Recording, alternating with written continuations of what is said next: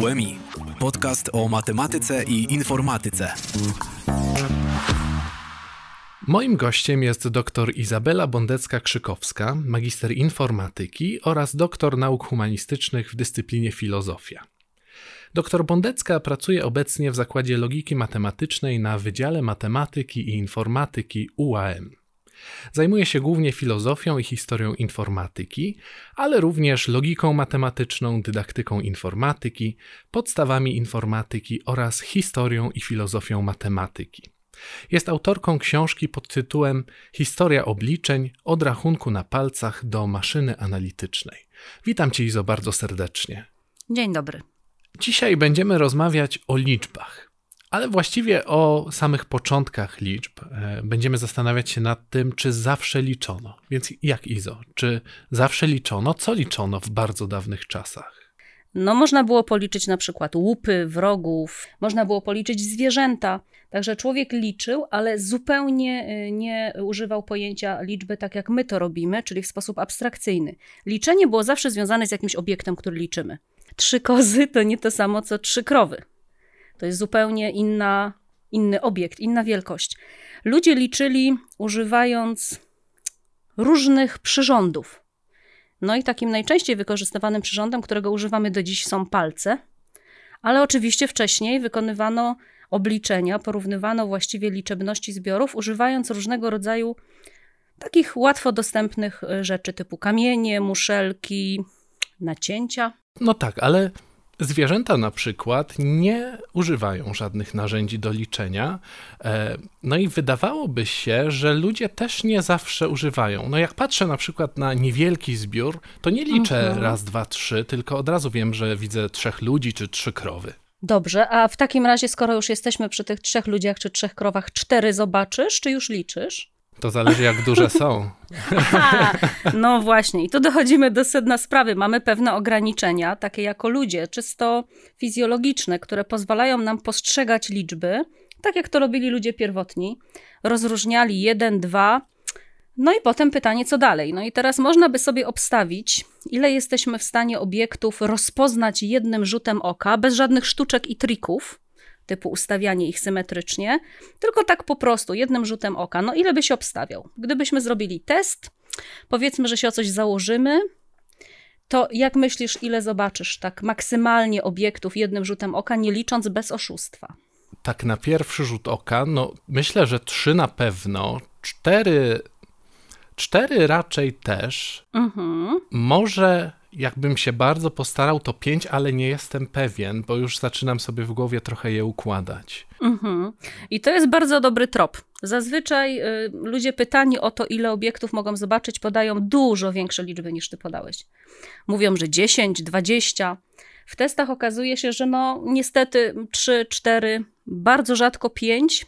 Na przykład, gdy ułożone są w pewnym pewnym wzorcu, który jest dobrze ludziom znany. Na przykład, gdy masz pięć kropek ułożonych tak, jak kropki na kostce do gry, to wtedy rozpoznasz pięć elementów, ale to już jest sztuczka. Mhm. Liczenie takie bez liczenia, czyli postrzeganie, kończy się na czterech obiektach, i to jest cecha, którą mamy wspólną z niektórymi gatunkami zwierząt. Czy to może wynikać z warunków ewolucyjnych? Chcemy szybko oszacować, ilu wrogów nas atakuje? Prawdopodobnie tak. Wychodzi na to, że jeśli więcej niż czterech, to już dużo. To już, to już, to dużo, już dużo. To już dużo. I, I, niektórzy chyba nadal, e, czy niektóre ludy, niektóre plemiona e, nadal ograniczają się do dosyć niewielkich liczb e, w szacowaniu wielkości. Tak, tak. Są ludzie, ludy, które nawet liczebników używają tylko czterech bądź pięciu pierwszych. Y, można to też zaobserwować oczywiście współcześnie u różnych ludów, które żyją z dala od cywilizacji. No jednak w tej chwili te badania są dosyć. No trudno jest prowadzić badania ludów, które nie miały styczności z cywilizacją, bo jest ich coraz mniej. Natomiast u wszystkich tych ludów jest takie pierwotne rozróżnienie na 1, 2 dużo, czasami 1, 2, 3 dużo. Generalnie takie postrzeganie jednym rzutem oka jest bardzo dobrze widoczne e, w naszej współczesności do dziś, ale również w historycznych sposobach zapisu liczb. Na przykład Egipcjanie, gdy piszą jedność, to jest taka pionowa krecha, to nigdy nie piszą dziewięć jedności za pomocą dziewięciu kresek obok siebie. No jednym rzutem oka nie odróżnisz, czy tego jest dziewięć czy osiem. Oni je grupują w grupy po trzy bądź cztery, Podobnie robią z kijankami, które mają swoją wartość. One też zawsze są elegancko ułożone w grupach po trzy albo po cztery, po to, żeby można było jednym rzutem oka zobaczyć, ile to jest, nie licząc. No ale to jest właśnie pytanie, które chciałem Ci zadać. Skoro my potrafimy na pierwszy rzut oka e, ocenić liczebności powiedzmy do czterech, to w jaki sposób radzono sobie kiedyś z większymi liczebnościami? Nie wiem, ktoś miał e, stado baranów. To do czego w ogóle było potrzebne liczenie tych baranów, jak się tak zastanowimy? No przydaje się, jak się je wypuszcza na pastwisko, z jaskini na przykład, no żeby wiedzieć, czy te wszystkie barany do nas wróciły, czy może coś brakuje, nie wiem, sąsiad nam ukradł, może być różnie. No więc wykombinowano taką metodę, którą my dzisiaj byśmy nazwali metodą odpowiedniości 1 do 1. No, matematycy powiedzieliby jeszcze inaczej, ale zasada jest bardzo prosta. Wypuszczamy nasze barany rano na pastwisko czy owieczki, i jak jedna owieczka przechodzi, to my sobie układamy w stosik na przykład kamyczki. Jak mamy więcej muszelek w obok siebie, no to muszelki. Jeden baranek, jeden kamyczek, drugi baranek, drugi kamyczek. No jak wszystkie baranki wyjdą, to ja mam tyle kamyczków, ile tych baranków. Wieczorem baranki wracają do jaskini, no i zabawa odbywa się w drugą stronę. Baranek wchodzi, ja z tego mojego stosu kamyczków kamyczek odkładam na bok. No i tak robię, przepuszczając te baranki pojedynczo, tak gęsiego do tej jaskini. No i co się może okazać na końcu? No możliwości są takie. Kamyczki ci się wyczerpały, a baranki idą. To znaczy, że ja okradłem sąsiada. Albo ci się coś urodziło. Albo się coś urodziło. Okej. Okay. Natomiast jest jeszcze druga wersja. Wersja jest taka, że baranki wszystkie weszły, a kamyczki zostały. Co oznacza, że albo trzeba szukać baranka, bo się gdzieś zgubił, albo sąsiad ma właśnie dobrą kolację. Czyli jesteś w stanie stwierdzić, ile czegoś masz, może niekoniecznie nazywając to jakąś liczbą, ale jesteś w stanie stwierdzić, jaka jest liczebność zbioru Twoich baranków bez liczenia i bez mhm. znajomości liczby. No, czyli właściwie jest to liczenie bez używania liczb, no bo nikt raczej nie nazywał konkretnej liczby kamyszków w żaden konkretny sposób. No, oczywiście, że nie. Nie, nie. To jest tylko taka, takie badanie liczebności zbiorów, które wykorzystujemy do dzisiaj. Jeżeli wsiadasz do tramwaju i zadam ci pytanie, czy jest więcej osób, czy miejsc, to co robisz? Liczę osoby, które siedzą na krzesłach, je ignoruję i patrzę, ile stoi, ile jest wolnych miejsc. To chyba dlatego, że jesteś matematykiem. Zazwyczaj ludzie robią tak, rozglądają się, nikt nie stoi, miejsca wolne są, to znaczy, że miejsc jest więcej. A to widocznie jeżdżę zatłoczonymi tramwajami. A, to tak, no to wyjaśnia sprawę. No ale nie zawsze mamy kamyczki, prawda? No nie zawsze mamy kamyczki. Mamy czasami, my współcześnie e, widzimy ślady tej metody, na przykład w różańcach modlitewnych. Zarówno różańce buddyjskie, jak i takie chrześcijańskie no, są złożone z koralików. Każdy koralik odpowiada jednej modlitwie albo jednemu słowu, w zależności od, od religii, i to ma zwalniać osobę modlącą się z konieczności liczenia. Okej, okay, to ma dokładnie, sens. Dokładnie ta sama zasada co kamyczki. No ale dzisiaj używamy systemu dziesiętnego mhm. i mówi się, że on jest związany z tym, że mamy 10 palców. Więc czy zawsze tak było? Czy może te palce kiedyś były wykorzystywane jakoś inaczej? To palce były wykorzystywane kiedyś inaczej zdecydowanie niż u nas. My w tej chwili liczymy na palcach do 10, bo tyle mamy palców, stąd ta baza 10 to bardzo dobry trop. To jest baza pochodzenia naturalnego. Dzieci liczą na palcach. Ja nie wiem, jak liczysz. Pokaż, jak liczysz na palcach. E, jako dziecko, jak liczyłeś? Raz dotykam kciuka, dwa dotykam. Okej, okay, zacząłeś od lewej ręki. Tak. Mhm. I palce wyciągasz. E, jakbym liczył, to to tak, wyciągam od, od kciuka. Okej, okay, okay, no to robisz tak jak typowy człowiek zachodu. To nie jest zupełnie takie oczywiste, że wszyscy ludzie na świecie tak robią. W krajach wschodu liczy się od, y, zaczynając od wyciągniętych palców i się je chowa. Ty zrobiłeś odwrotnie. Czyli liczę, ile palcy schowałem. Tak. To taka to, to ciekawość. bardzo dziwne. To... Y, zależy co dla kogo dziwne. No, no, tak, oczywiście. Liczenie na palcach nam służy w tej chwili do takich zabaw w początkowych klasach podstawówki. Natomiast ludzie jeszcze do późnego średniowiecza i w renesansie wykonywali obliczenia na palcach, używając palców. Co więcej, Ale takie obliczenia jak liczby. dodawanie, mnożenie? Tak, tak. Mhm. Szczególnie mnożenie, bo to było działanie bardzo trudne, tak? No to pokaż mi, Iza, jak można mnożyć na palcach. No to zacznijmy od przykładów, które sprawiają najwięcej trudności dzieciom. Na przykład 7 razy 8. Okej. Okay. To rzeczywiście mhm. trudne może być dla dziecka. To, co musisz umieć, y, to musisz znać wartości tabliczki mnożenia, no tak mniej więcej do połowy, czyli od 1 razy 1 do powiedzmy 5 razy 5. a właściwie do 4 razy 4. Żeby pokazać liczbę większą od 5 na palcach jednej ręki, musimy od niej to 5 odjąć. Czyli zaczynamy od siódemki. Od siódemki, gdy odejmiemy piątkę, dostaniemy 2 i dwa palce zginamy.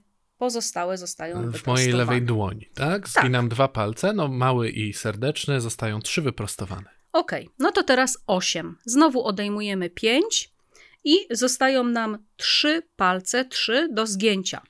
No to na prawej ręce zginam trzy palce i zostają mi dwa wyprostowane. Okej, okay, dobra. No to teraz ile masz w sumie zgiętych palców? Zgiętych mam pięć. I to są dziesiątki, czyli masz ich pięćdziesiąt. Pięćdziesiąt. Mhm. I teraz partle wyprostowane mnożysz przez siebie. Trzy razy dwa, sześć. Mhm. Rozumiem, że dodaję do tych 50, Dokładnie. czyli razem 56. No świetnie. 7 razy 8 równa się 56. To, to chyba prawda. Prawda, zgadza się. A, a czy moglibyśmy zrobić jeszcze jeden przykład? Na przykład 6 razy 7.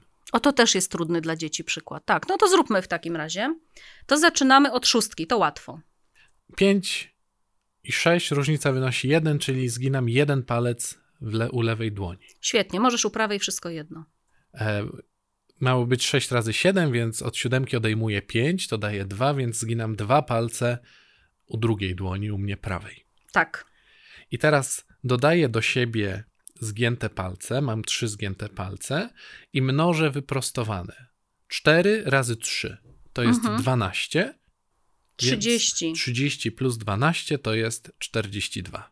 Pasuje. Ta metoda nie działa tylko dla wielokrotności piątki, no bo jeśli odejmiesz od piątki 5, no to niestety nie ma co zginać i cała zabawa nie działa. Ale akurat tabliczka przez wielokrotności piątki jest jakoś tak szybko mm, do przyswojenia, szybko się tego ludzie uczą. To są metody, które były wykorzystywane bardzo długo w liczeniu. W tej chwili o nich nie pamiętamy. Z podstawówki, ja nie wiem czy ty, ale ja pamiętałam metodę mnożenia przez 9 polegającym na tym, że się odpowiedni palec chowa i to, co jest po lewej stronie, to są dziesiątki, a po prawej Tak, rze rzeczywiście było tak. No, 9 razy 4, no to zginam czwarty palec, widzę po lewej stronie 3, po prawej 6, 9 razy 4 równa się 36. Mhm. To jest oczywiście metoda tylko dla dziewiątki i bardzo często dzieci z niej korzystają do dziś, ale ta metoda, y, którą pokazywaliśmy na przykładzie 7 razy 8 działa dla dowolnych dwóch liczb, a nie tylko dla dziewiątek. Nam się wydaje, że działania, które wykonujemy tak bardzo automatycznie i dość dobrze nam idą w podstawówce, że to jest taka zdolność, którą mieliśmy zawsze. Zdecydowanie nie. To liczenie na palcach i po pokazywanie liczb na palcach było bardzo długo wykorzystywane przez takich przeciętnych, mniej wykształconych ludzi, ale też przez zawodowych rachmistrzów. Ale to zawsze było związane z dziesiątką? No bo my jesteśmy bardzo przyzwyczajeni. Tak, tak, jesteśmy zdecydowanie nie zawsze to było związane z dziesiątką. Pierwszy system liczbowy związany był z Sumerami, którzy zresztą stworzyli pierwsze pismo jako takie. I ich system miał bazę 60. Czyli to był system sześćdziesiątkowy. Echa tego systemu jeszcze w renesansowej Europie się pojawiają. Astronomowie chętnie używają takiej bazy. Masz pomysł dlaczego? Mm, no, jak wyobrażam sobie liczby dziesiętne, gdzie mam 10 cyfr, mhm. no to myślę, że liczby sześćdziesiątkowe są po prostu krótsze. Dokładnie tak. Zasada jest taka, że im większa jest baza liczenia, tym krótszy jest zapis liczby, co daje y, no, taki obraz, dlaczego astronomowie wybrali system sześćdziesiątkowy i tak się go kurczowo mhm. trzymali, mimo że w tym czasie już w takich codziennych obliczeniach używano systemu dziesiętnego. Ale dlaczego akurat 60? Przecież to, to nie ma sensu na pierwszy rzut oka, czy raczej pierwszy rzut palca. No właśnie, nie, patrzę na, teraz na, na pierwszy rzut i... oka na rękę jak najbardziej ma, ale musisz zacząć od czegoś mniejszego. To teraz popatrz sobie na swoją dłoń od wewnątrz mhm. i może zacznijmy od tego, czy, czy widzisz coś na swojej ręce, co ci pozwoli policzyć do 12. Do 12, czyli szukam mhm. czegoś, co jest 12. Na palce mam 5. Pudło, to to nie to. Ale teraz zgiąłem palce i widzę, że, że każdy z tych palcy, przynajmniej może bez kciuka, dzieli się na trzy części. I trzy... to jest to, dokładnie. I teraz tego kciuka, którego, o którym mówiłeś, że nie ma trzech części, używasz do pokazywania członów palców. Jak zaczniesz od palca małego i pojedziesz mhm. od góry. Od końcówki no palca. Od końcówki palca, no to policzysz do trzech na tym raz, małym palcu. Dwa, trzy. Jedziesz dalej, nie? Kolejny palec, Palec ten serdeczny, serdeczny. masz 6, 9, 12. Mhm. Czyli uwaga, na jednej ręce liczysz do 12. Zgadza się? Tak. Bez problemu. Czyli na Okej. serdecznym do 6, na środkowym do 9 i na wskazującym Dokładnie do 12. tak. Mhm. No to teraz to jest klucz do odpowiedzi na Twoje pytanie, dlaczego 60? Czy da się policzyć na rękach, na palcach do 60? No ja szybko dzielę, więc e, spodziewam się, że to będzie coś z piątką, no bo Aha. 60 przez 12 daje 5, no ale Mhm. mam jeszcze drugą dłoń. Otóż to, właśnie. Czyli co, na jednej dłoni liczysz do 12, a na drugiej zapamiętujesz dwunastki. Aha, Jedna dwunastka, jedna dwunastka, druga. dwie dwunastki to już 24, później Mhm. 36, 48 Mhm. i w końcu 60. No i świetnie. I da się policzyć na palcach do 60. Wow, Jest taka hipoteza, którą mm, sformułował e, George Ifrach, która mówi, że wszystkie naturalne bazy liczenia biorą się z rachunku na palcach. I teraz uwaga, my jesteśmy przyzwyczajeni do liczenia na palcach rąk. No ale jak mieszkasz w ciepłym klimacie i możesz zdjąć buty, to masz system dwudziestkowy. I takiego systemu używali na przykład Majowie. No ale my liczymy na palcach rąk, bo możemy nimi ruszać, to oni potrafią tymi palcami u stóp tak ruszać, że będą widzieć. Bardzo dobre pytanie, sama bym chciała znać odpowiedź na to pytanie. Żeby liczyć, oprócz tego, że, że używamy palców, no bo palców mamy mało, no maksymalnie 20 możemy użyć, a jeszcze jak Eskimosi, to wyobraź sobie, oni butów nie ściągali, więc gorzej. A, to tylko do jednego, lewa Natomiast stopa prawa. Eskimos liczy, tak, lewa stopa i prawa, dokładnie tak jak mówisz. Natomiast Eskimos liczy na sobie, na częściach swojego ciała do 25.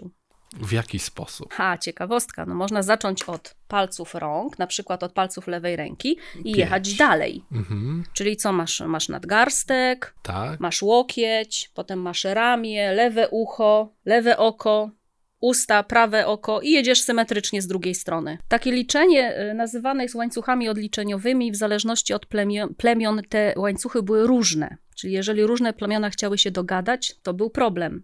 Natomiast w obrębie jednego plemienia, jeżeli my wiemy, w jaki sposób liczymy, to możemy łatwo porównać, no na przykład, kto z nas ma więcej baranów, o których mówiliśmy.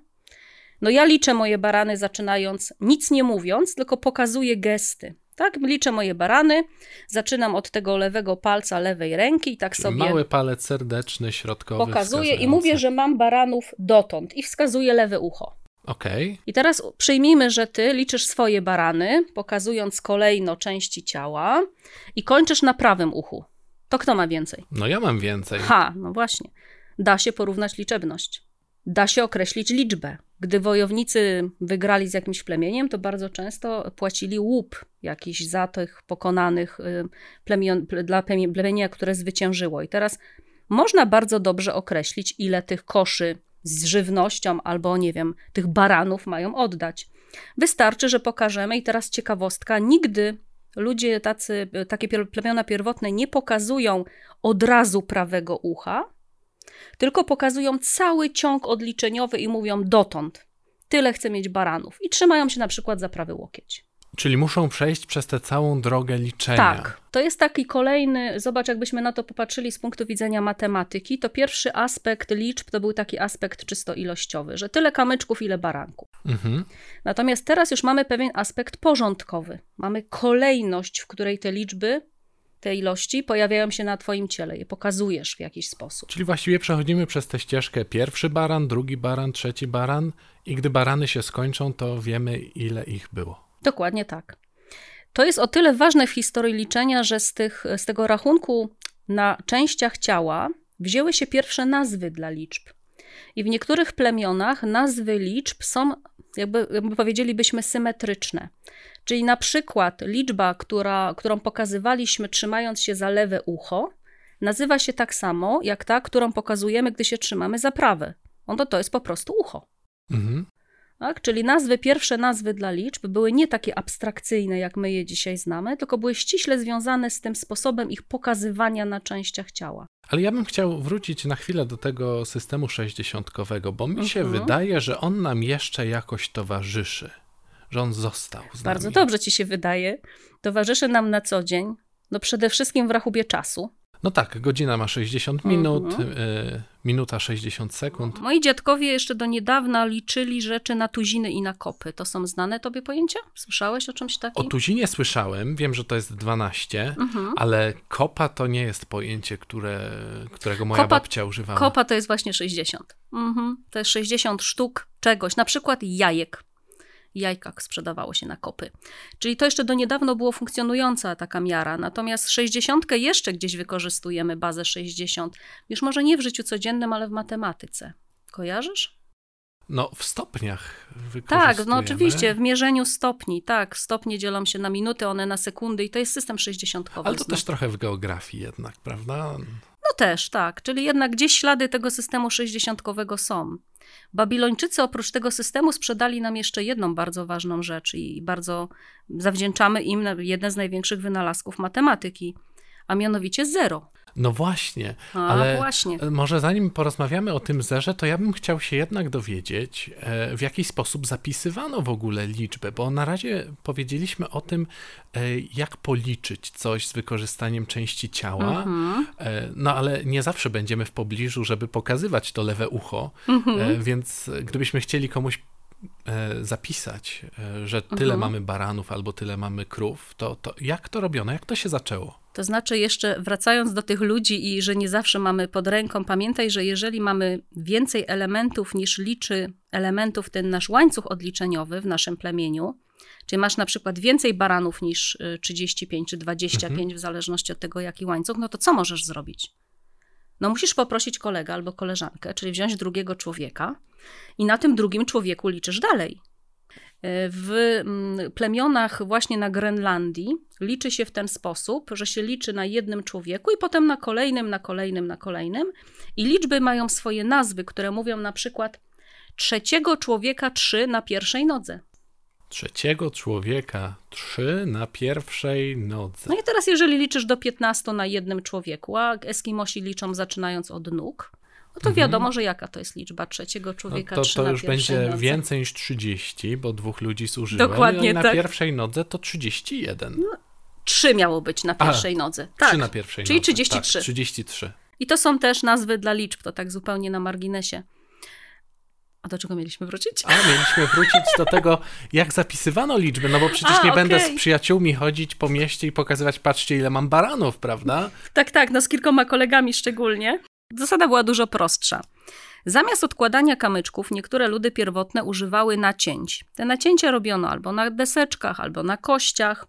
I dzięki temu, z tym wzorcem, którego używano do liczenia zamiast kamyków czy muszli, były te nacięcia. Czyli przejeżdżamy sobie palcem po tych nacięciach i wiemy, czy wszystkie owieczki, baranki do domu wróciły. To jest bardzo ważna metoda zapisu liczb, której, która była początkiem zapisu systemu rzymskiego. My w tej chwili system rzymski postrzegamy jako taki system literowy, złożony z liter. Natomiast pierwotny system rzymski pochodzi właśnie z tego zwyczaju nacinania. Tam nie było takich liter. Te litery, na przykład litera X, to był zwykły krzyżyk, dwa nacięcia pod odpowiednim kątem. Później zrobiono z nich literki, żeby łatwiej je zapisywać, przede, wszystkim drukować. Czyli pierwotne systemy zapisu liczb to były systemy takie związane z techniką nacięć. Są różne mm, zabytki, które pozwalają nam zobaczyć, jak to wyglądało na przykład 30 tysięcy lat temu. Na kościach zwierząt takie się zachowały. Ale jedna ciekawostka, wiesz, jakie były pierwsze karty kredytowe? Nie? A no właśnie, a dlaczego mówię o, przy tej okazji o tym? Dlatego, że one były związane z techniką nacięć. I we Francji, jeszcze w średniowieczu, był taki system rozliczeń, w którym wykorzystywano deszczułki, takie drewniane deseczki. Gdy przychodziła gospodyni albo służąca po chleb do piekarza na przykład, to się taką mm, deseczkę wyciągało i na tej deseczce robiliśmy sobie kreseczkę albo dwie, mówiącą, ile my tych chlebów tam wzięliśmy. No i teraz ta deseczka była łamana wzdłuż i jedną z tych poło- połówek deseczki miał piekarz, a drugą zabierał gospodarz. Przy każdej kolejnej wizycie w piekarni składaliśmy nasze dwie połówki w jedną deseczkę i robiliśmy kolejne nacięcia. No i teraz, jak już przyszło do rozliczenia, no to się spotykał gospodarz z piekarzem, składali swoje połowy deseczek, One musiały się zgadzać, tak? No trudno jest usunąć nacięcie, to po pierwsze. Tak, dodać łatwo, ale wtedy Dodać trzeba łatwiej. dodać na obu częściach. A właśnie, a masz tylko jedną, tak? To jeżeli te nacięcia się zgadzają i na przykład na jednej i na drugiej deseczce masz, nie wiem, 10 nacięć, no to płacę ci za 10 chlebów. Powiedzmy raz w miesiącu. Tak mi się teraz kojarzy, czy mogło być tak, że to od tego się wzięło wziąć coś na kreskę? Y, Tak, są takie, są, są takie hipotezy, że to wyrażenie, które występuje w różnych językach w tej samej formie zresztą, y, bierze się właśnie z tego sposobu zapisu. Mhm. No ale jeżeli takich kreseczek było bardzo dużo, to Mhm. trudno było raczej optycznie się zorientować, o jakiej wielkości Jasne. mówimy. Mhm. No i wtedy wkracza coś, do czego jesteśmy bardzo przyzwyczajeni, a nie zwracamy na to uwagi, że to jest ważne z punktu widzenia liczenia. Zobacz, jeżeli odliczasz dni do jakiegoś ważnego wydarzenia, albo liczysz, ile dni jesteś w wojsku, powiedzmy, żeby nie powiedzieć, że w więzieniu, i robisz sobie kreski na ścianie, czego oczywiście robić nie wolno, no to jak je robisz? No robisz sobie kreseczki. Ile? Tak, no robię cztery, a potem przekreślam. A właśnie, czyli cztery, bo jednym rzutem oka rozpoznasz, że cztery, i potem robisz piątą. Czyli Tak. grupujesz. Takie grupowanie było już bardzo wcześnie wykorzystywane. Na przykład, gdy tych kamyczków, które liczyły nam baranki, jest bardzo dużo, to można używać kamyczków większych, mówiących, że to jest jakaś grupa baranków. I w ten sposób powstała baza liczenia. To, o czym mówiliśmy przy okazji rachunku na palcach, nie? Czyli na przykład za 10 małych kamyczków bierzesz jeden duży kamyczek. I wtedy łatwiej ci się liczy. Tak, bo te wszystkie wartości do 10 mogę pokazać na palcach. Dokładnie tak.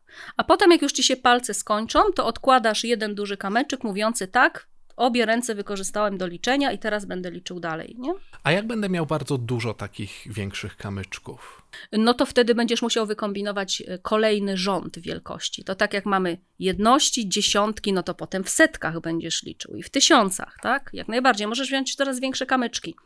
Właśnie, przy tej okazji może warto wspomnieć, że Sumerowie używali czegoś, czego my dzisiaj nazywamy, co my dzisiaj nazywamy kalkulami. Około tam 25-30 wieku przed naszą erą już to wykombinowali.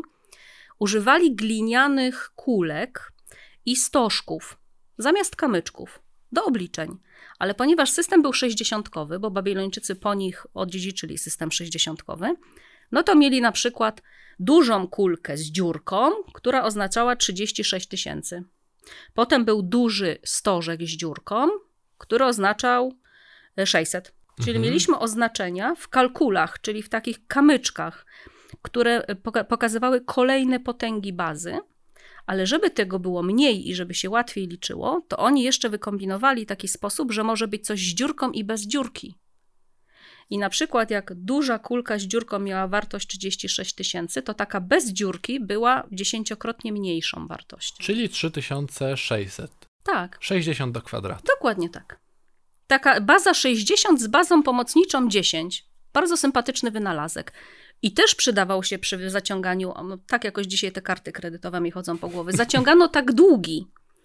Jeżeli pożyczam od ciebie pieniądze, to sobie w tych kalkulach odliczamy, ile mi pożyczyłeś.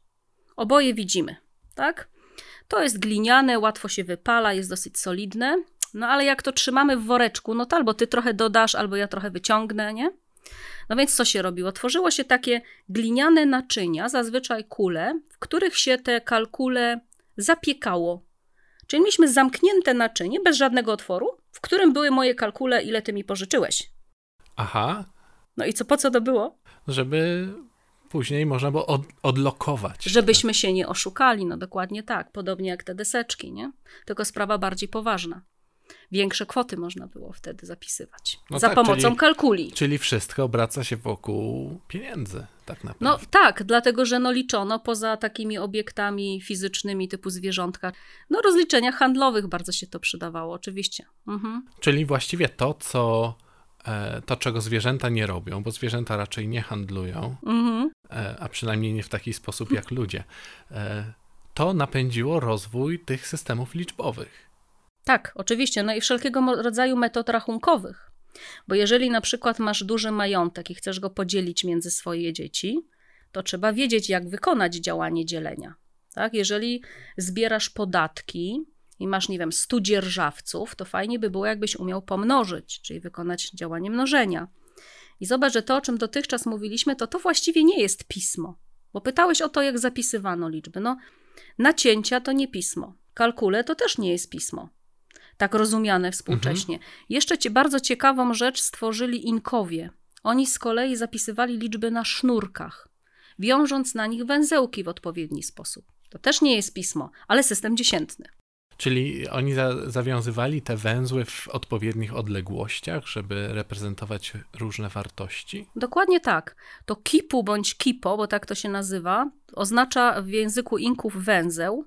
I to był taki sznureczek. Jeżeli chcesz zapisać jedną liczbę, no to bierzesz sznureczek i wiążesz na nim obok siebie takie proste supełki, tak jak na sznurowadłach, jak ci się zaplączą, pojedyncze blisko obok siebie tyle i tych węzełków, ile wynosi cyfra. Czyli jeżeli byś chciał zapisać na przykład 123, no to wiążesz jeden węzełek u góry, w odległości większej dwa obok siebie oznaczające 20. No i teraz uwaga, na dole nie robisz trzy obok siebie takich samych, no bo nie wiadomo by było, gdzie góra, a gdzie dół sznureczka, jeżeli wszystkie węzełki no byłyby takie same.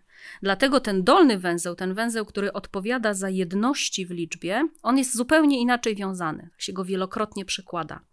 Bardzo fajna zabawa to jest, a to pozwalało Inkom, którzy zresztą byli z naszego punktu widzenia dość taką cywilizacją pierwotną, no koła nie znali, a jednak mieli olbrzymie imperium i zbierali podatki w ramach tego imperium, rozliczali się jakoś między sobą.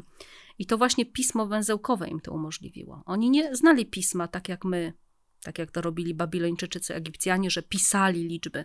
Oni po prostu wiązali liczby na tych sznurkach. I były różnokolorowe. Na przykład, jak zaciągałeś dług, jak już jesteśmy przy długach, to na niebieskim sznureczku zapisujemy, a jak mi oddajesz, to na innym. Bardzo kolorowe są te kipu. No ale jak tak teraz sobie próbuję wyobrazić, to wydaje mi się, że nadal raczej trudno byłoby na takich sznureczkach wykonywać operacje arytmetyczne. Tak, to jest tylko kwestia zapisu pewnego, pewnej wartości. Czyli na przykład jak zbierasz podatki, no to piszesz na sznureczkach zielonych, ile zebrałeś kuz, na żółtych, ile zebrałeś zboża i tak dalej. To się nie nadaje na do rachunków, zdecydowanie. To tylko jest sposób zapisu, utrwalenia liczby, nie? Podobnie jak te nacięcia czy inne techniki typu kalkule. Do obliczeń stosowano y, we wszystkich zakątkach świata, począwszy od Babilonii, stosowano tak zwane tablice rachunkowe. Czasami mówi się abaki. To słowo jest późniejsze niż, niż pierwsze abaki, czyli używano do obliczeń takich różnego rodzaju tablic. One były albo gliniane, albo na piasku rysowane, albo były takie tabliczki pokryte woskiem, w których kreślono linie dzielące rzędy liczby. Czyli nawet jeżeli zapis liczby był niepozycyjny, trzeba było te kalkule sobie dodać, żeby policzyć wartość liczby, to do liczenia używano systemu pozycyjnego. Czyli układaliśmy na przykład, tak było w starożytnej Grecji i Rzymie, w rzędzie jedności tyle kuleczek, ile wynosi cyfra jedności. Powiedzmy, że 7. W rzędzie dziesiątek dwie kuleczki oznaczające 20. I tak dalej.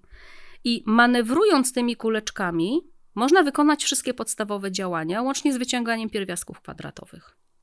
I no, tu jestem liczono. trochę zaskoczony, no bo pierwsze działania, które mi przyszły do głowy, to dodawanie, odejmowanie, to chyba bym był w stanie zrobić. No bo jakbym mhm. chciał dodać, to bym po prostu dołożył kamyczki i poprzekładał je tak, żeby się wszystko zgadzało. Mhm. Odjąć to też podobnie bym zrobił. Może bym mhm. nawet pożyczał, tak jak w pisemnym odejmowaniu się pożycza, ale już e, te bardziej skomplikowane operacje, mnożenie, dzielenie, to musiałbym chyba się dowiedzieć, jak to zrobić. Powiedziałeś teraz jedną ważną rzecz, bo powiedziałeś, że to tak jak w słupkach. Tak. A to jest odwrotnie. To znaczy w słupkach jest tak, jak kiedyś liczono na abakach. to prawda, ale ja uczyłem się w szkole nie abaków, tylko tak. słupków, to, to rzeczywiście e, to było bardzo, odwrotnie. Tak, to było odwrotnie. Bardzo dobrze widać, jak się śledzi metody liczenia arabskie, jak one ewoluowały od takich skomplikowanych abaków. Potem Arabowie, ponieważ Arabowie liczyli na piasku, czyli po prostu patykiem na piasku kreślili linie, potem zrezygnowali w ogóle z kreślenia tych linii i zapisywali liczby w słupkach. Gdybyś prześledził 3-4 takie stare metody mnożenia, to byś doskonale zauważył bardzo szybko, że to jest coraz bliżej tych metod, które my mamy współcześnie, których my używamy współcześnie. Czyli to ewolucja obliczeń na abakach doprowadziła nas do tego, co my nazywamy rachunkami w słupkach. i czym męczymy nasze dzieci w szkołach podstawowych. No, czyli wychodzi właściwie na to, że ta matematyka nie była nam dana raz na zawsze, tylko dosyć długo się wykształcała. I nawet te proste rzeczy, których dzisiaj dzieci uczą się w pierwszej klasie szkoły podstawowej, powstawały przez wieki. Tak, warto pamiętać, że na przykład w starożytnym Egipcie rachmistrz to był bardzo dobry zawód. No kim warto było być w Egipcie? No na pewno faraonem, to bez dwóch zdań. No ale tutaj niestety. Dosyć mało etatów. Otóż to. Było jeszcze kilka etatów, też bardzo popłaca, popłacały. Y, można było być jakimś kapłanem, kapłanką. To też jest dobra fucha. Chyba nadal się opłaca. No to już inny temat. Ale tak, to była dobra fucha. Natomiast naprawdę rachmistrzowie, czyli osoby, które wykonywały obliczenia, były bardzo dobrze opłacane. To był rzadki zawód, a był bardzo potrzebny. No jak postawisz piramidę, jak nie potrafisz niczego policzyć? A Egipcjanie, tak a propos, zawsze mnie to zastanawia, bo wiemy ze źródeł, i to jest potwierdzone, że Egipcjanie umieli wykonywać tylko cztery podstawowe działania: dodawanie, odejmowanie, podwajanie, czyli mnożenie razy dwa, mhm. i połowienie, czyli dzielenie na pół. Tak? Wszystkie inne działania były sprowadzone do tych czterech. Czy jakbyś chciał pomnożyć na przykład 17 razy 34, nie masz jeszcze takich metod, jak my mamy współcześnie, bo one są dużo późniejsze, no to Egipcjanie sobie z tym znakomicie radzili, wykonując tylko te cztery podstawowe. Ale to mnożenie przez dwa i dzielenie przez dwa od razu mi się kojarzy z systemem binarnym. E, przesunięcie bitowe w lewo, przesunięcie bitowe w prawo. Tak, to są echa wykształcenia. Trochę tak, chyba tak, jestem skrzywiony zawodowo. Mhm, tak, tak, jak każdy z nas pewnie. Dobrze, Iza, bardzo Ci dziękuję za naszą dzisiejszą rozmowę. E, myślę, że moglibyśmy spędzić jeszcze przynajmniej kilka godzin rozmawiając o tym, co Nic się działo. Nic nie dowiedziałeś się o zerze, zobacz. Nic nie dowiedziałem się o zerze, ale może się dowiemy o zerze w jednym z kolejnych odcinków, bo to jest w ogóle bardzo ciekawy temat i na temat historii zera napisano książki. Tak, na przykład Barrow napisał książkę o znamiennym tytule Książka o niczym. To prawda. Tych z Państwa, którzy są zainteresowani e, może trochę szerszym spojrzeniem na, na to, jak powstawały liczby, jak powstawało liczenie, e, zachęcam do sięgnięcia do książki dr Bondeckiej-Krzykowskiej Historia obliczeń od rachunku na palcach do maszyny analitycznej. Także dziękuję Ci, Izo, bardzo serdecznie. Bardzo dziękuję, dziękuję za zaproszenie. O, cała przyjemność po mojej stronie.